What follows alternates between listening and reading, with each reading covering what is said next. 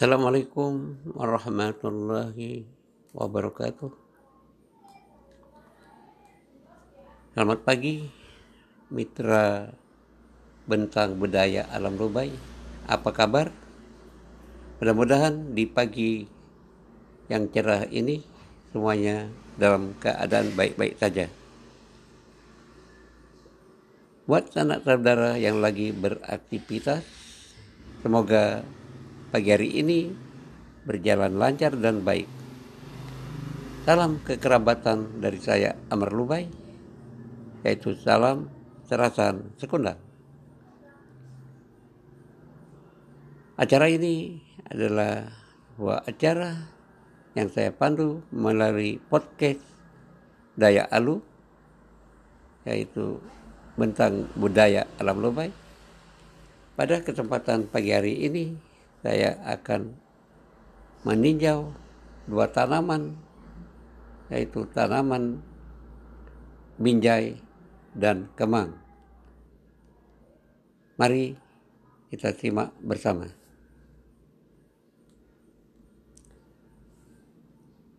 Pohon binjai dan kemang tidak asing bagi masyarakat Lubai dikarenakan pohon ini sangat banyak tumbuh di tepian desa di sepanjang daerah aliran Sungai Lubai. Ketika saya masih kecil, saat itu saya masih sekolah SD di Desa Baru Lubai, usia masih kurang lebih 10 tahun, saya belum dapat membedakan mana itu binjai, mana itu kemang. Adapun di dalam masyarakat Lubai lebih dikenal binjai kata kemang sangat jarang disebutkan. Pohon binjai adalah pohon buah sejenis dari buah mangga yang baunya harum menusuk dan rasanya masam kemanis-manisan. Buah ini dikenal dengan nama lain seperti binja menurut bahasa Thailand. Menurut bahasa Sabak Beluno bahasa Filipina Bayuno. Adapun nama ilmiahnya adalah Mangifera Kaisia ciri-ciri pohon ini berdiameter besar berdaun rimbun dan tajuknya sangat indah berbatang lurus dengan tinggi mencapai kurang lebih 30 sampai dengan 45 meter. Dan gamang 5 sampai 120 cm pagan atau kulit kayu berwarna coklat kelabu dan beralur-alur Hampir semua bagian pohon apabila dilukai mengeluarkan getah keputihan yang tajam dan dapat mengakibatkan kulit iritasi kalau dikira getah ini karena mendapat menggasak apa mendatangkan rasa gatal dan bengkak.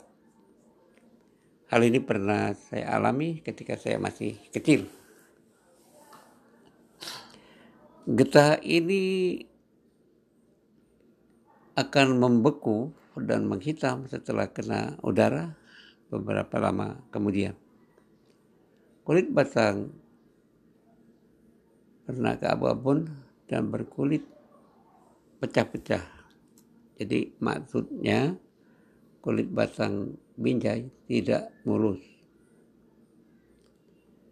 Selanjutnya mari kita perhatikan karangan bunga dalam malai di ujung ranting berukuran kurang lebih 15 sampai 40 cm bercabang banyak dan berbuah lebat. Bunga berwarna merah jambu pucat berbilangan 5 harum layak mahkota berbentuk garis lebih kurang 10 mm tangkai cari berwarna keunguan Adapun buahnya berbentuk lonjong sampai berat telur terbalik lebih kelihatan mirip apokat ketimbang daripada mangga. Kulit buahnya tipis, pucat kuningan hingga kecoklatan ber, bercak. Daging buahnya putih susu, berserat, tidak banyak, hampir tak berserat, mengandung banyak sari buah, berbau agak sedikit busuk. Rasanya masam manis, berbiji, bulat lonjong sampai lancet lebih kurang 7 4 cm kulit buahnya tipis dan tidak mengayu jadi maksudnya tidak keras. Cara perbanyakan tanaman bijai ini dapat melalui biji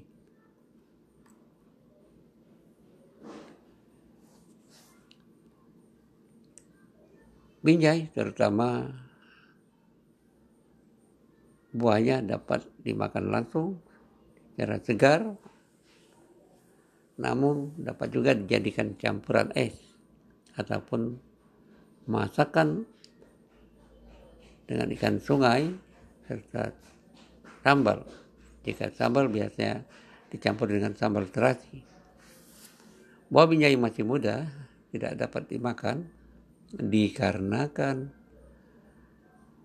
buahnya sangat tajam asamnya eh, bahkan dapat mendatangkan rasa gasar. Bijinya setelah dikeringkan dapat diolah sebagai lauk pauk makan nasi. Namun bagi masyarakat Lobai sepanjang pengetahuan saya belum pernah biji binjai yang kering dijadikan lauk nasi. Kayu binjai dapat digunakan sebagai papan lantai, namun untuk bahan konstruksi yang ringan.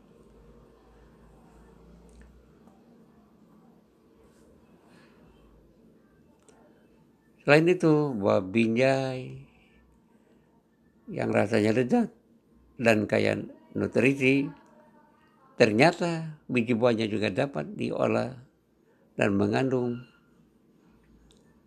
kandungan nutrisi yang sangat besar. Dan biji binjai yang selama ini oleh masyarakat Dubai dibuang begitu saja ternyata di dalam kandungannya uh, di dalam kandungan biji binjai terdapat vitamin C cukup besar yaitu 468 mg per 100 gram. Perlu diketahui juga bahwa kandungan vitamin C ini sangat berperan sebagai antioksidan yang dapat melawan radikal bebas. Buah binja yang sangat asam enak dimakan bersama sambal belacan atau teresen, terasi. Lain itu dapat juga dijadikan campuran pepes ikan. Selanjutnya, marilah kita tinjau dari buah kemang. Kemang ini ada sejenis buah-buahan yang masih bersaudara dengan mangga. Bagaimana kita ketahui mangga yang terkenal di Indonesia di antaranya adalah si mangga udang. Laksana sebuah lagu paling enak di mangga udang. Pohonnya tinggi, berbuah jarang. Paling enak menjadi bujang. Ke mana-mana tiada yang larang. Kurang lebih demikian baiknya. Nah, kembali kita ke topik pembicaraan, yaitu bahwa mangga di Indonesia di antara yang sangat terkenal mangga Indramayu atau mangga Darmayu. Mangga harum manis, mangga golek, mangga mana lagi, mangga dodol, dan sebagainya. Namun kemang jarang sekali orang mengatakan mangga kemang. Macam-macam varietas mangga ini merupakan spesies dari tumbuhan yang ada atau sama hampir mendekati sama yaitu Mangipera indica. Tetapi kemang walaupun merupakan saudara kandung mangga spesiesnya berbeda. Nama ilmiah kemang adalah Mangipera kemanga. Halo, apa Ji? Buah kemang mengandung cukup banyak nutrisi yaitu kalori, protein, karbohidrat, lemak, kalsium, fosfor, zat besi.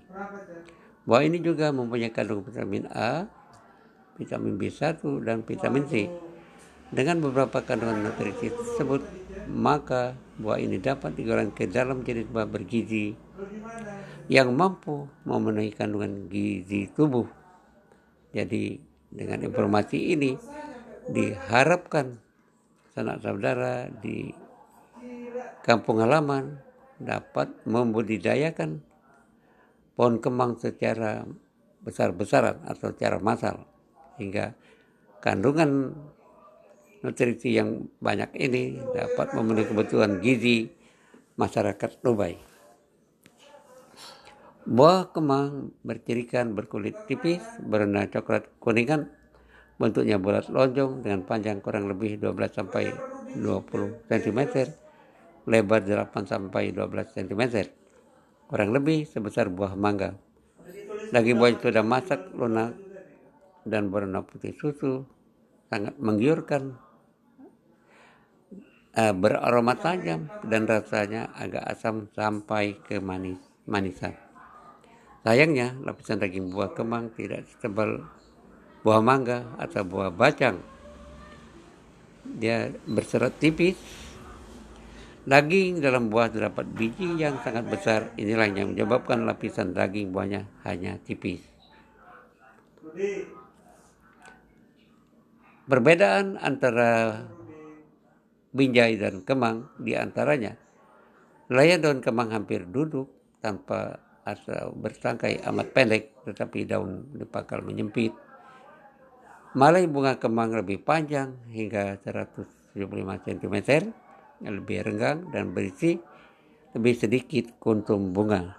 Buah kembang yang masak coklat agak hijau kusam berbintul pangkalnya. Tidak seperti buah binjai. Buah kembang yang mudah dapat dimakan meski amat masam rasanya. Sebagaimana binjai kembang dapat ditanam untuk mengkonsumsi buahnya langsung dan bisa juga buah kembang yang segar dimasak atau dijadikan campuran es.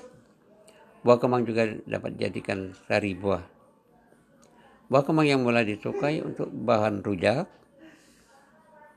dan bijinya dalam keadaan segar diiris dimakan setelah ditambah kecap sangat lezat rasanya.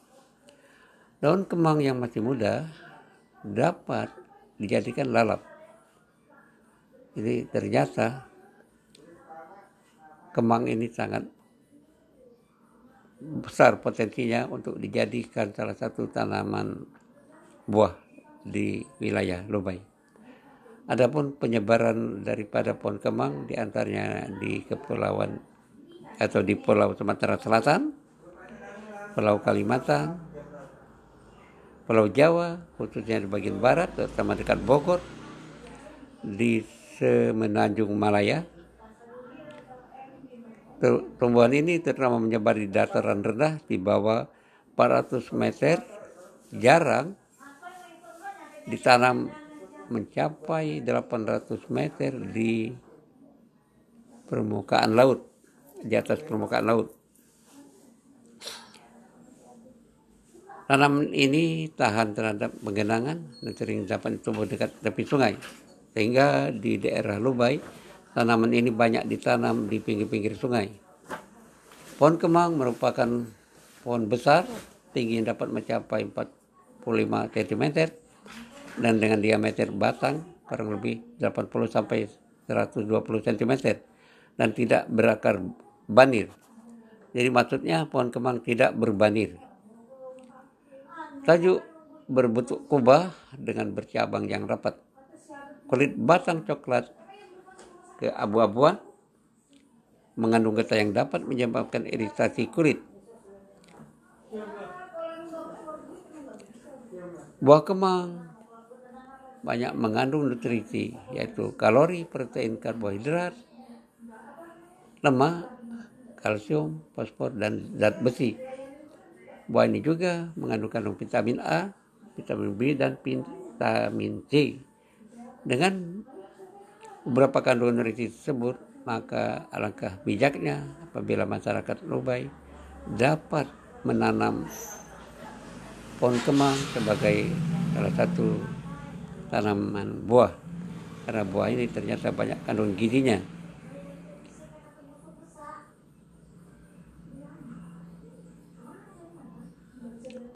Selanjutnya izinkan saya menyampaikan beberapa suatu penggal kenangan ketika saya masih kanak-kanak masih tinggal di desa Jiwa Baru, Kecamatan Lubai, Kabupaten Muara Enim, Provinsi Sumatera Selatan. Ada pohon binjai, yaitu milik Wak Dijah, terletak di tepi sungai Lubai, di dekat tempat pemandian kaum Hawa. Tumbuh tanaman binjai ini tidak jauh dari jalan setapak menuju tempat mandian warga tersebut.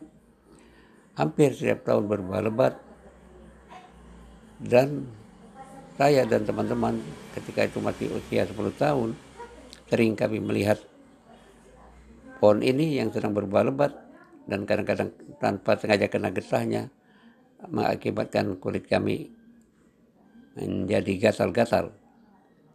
Semanggal kenangan adalah ketika pohon itu berbuah dan jatuh, kami mencari buahnya. Nah, di dalam bahasa Lubai disebut bahaya buah binjai. Demikian kenangan tersebut. Nah, selanjutnya saya ingin menyampaikan adanya pohon kemang punya Poyang Tande. Poyang Tande salah seorang poyang yang namanya melenggenda di desa Kurungan Jiwa. Anak keturunan yang tadi sangat banyak, termasuk saya, merupakan salah satu anak keturunan beliau. Pohon kembang tanaman puyang ini berdiameter kurang lebih 140 cm dan tinggi mencapai 45 meter. Cabang-cabang yang banyak, daunnya rimbun, buahnya sangat lebat. Tidak pun orang yang berani memanjat pohon ini dia karenakan pohonnya besar dan sangat tinggi. Sepenggal kenangan adalah ketika penulis mencari buah binjai yang terjatuh ditiup oleh angin di bawah pohon tersebut. Kejadian ini pada tahun 1970. Ketika itu saya ikut menunggu jatuhnya pohon kemang tanaman poyang tanding. Dengan cara membuat garis batas pembagian wilayah jatuhnya buah. Masing-masing kami anak keturunan poyang tande akan membuat garis di tanah dan akan menunggu jatuh buah binjai itu di wilayah jatuhnya masing-masing.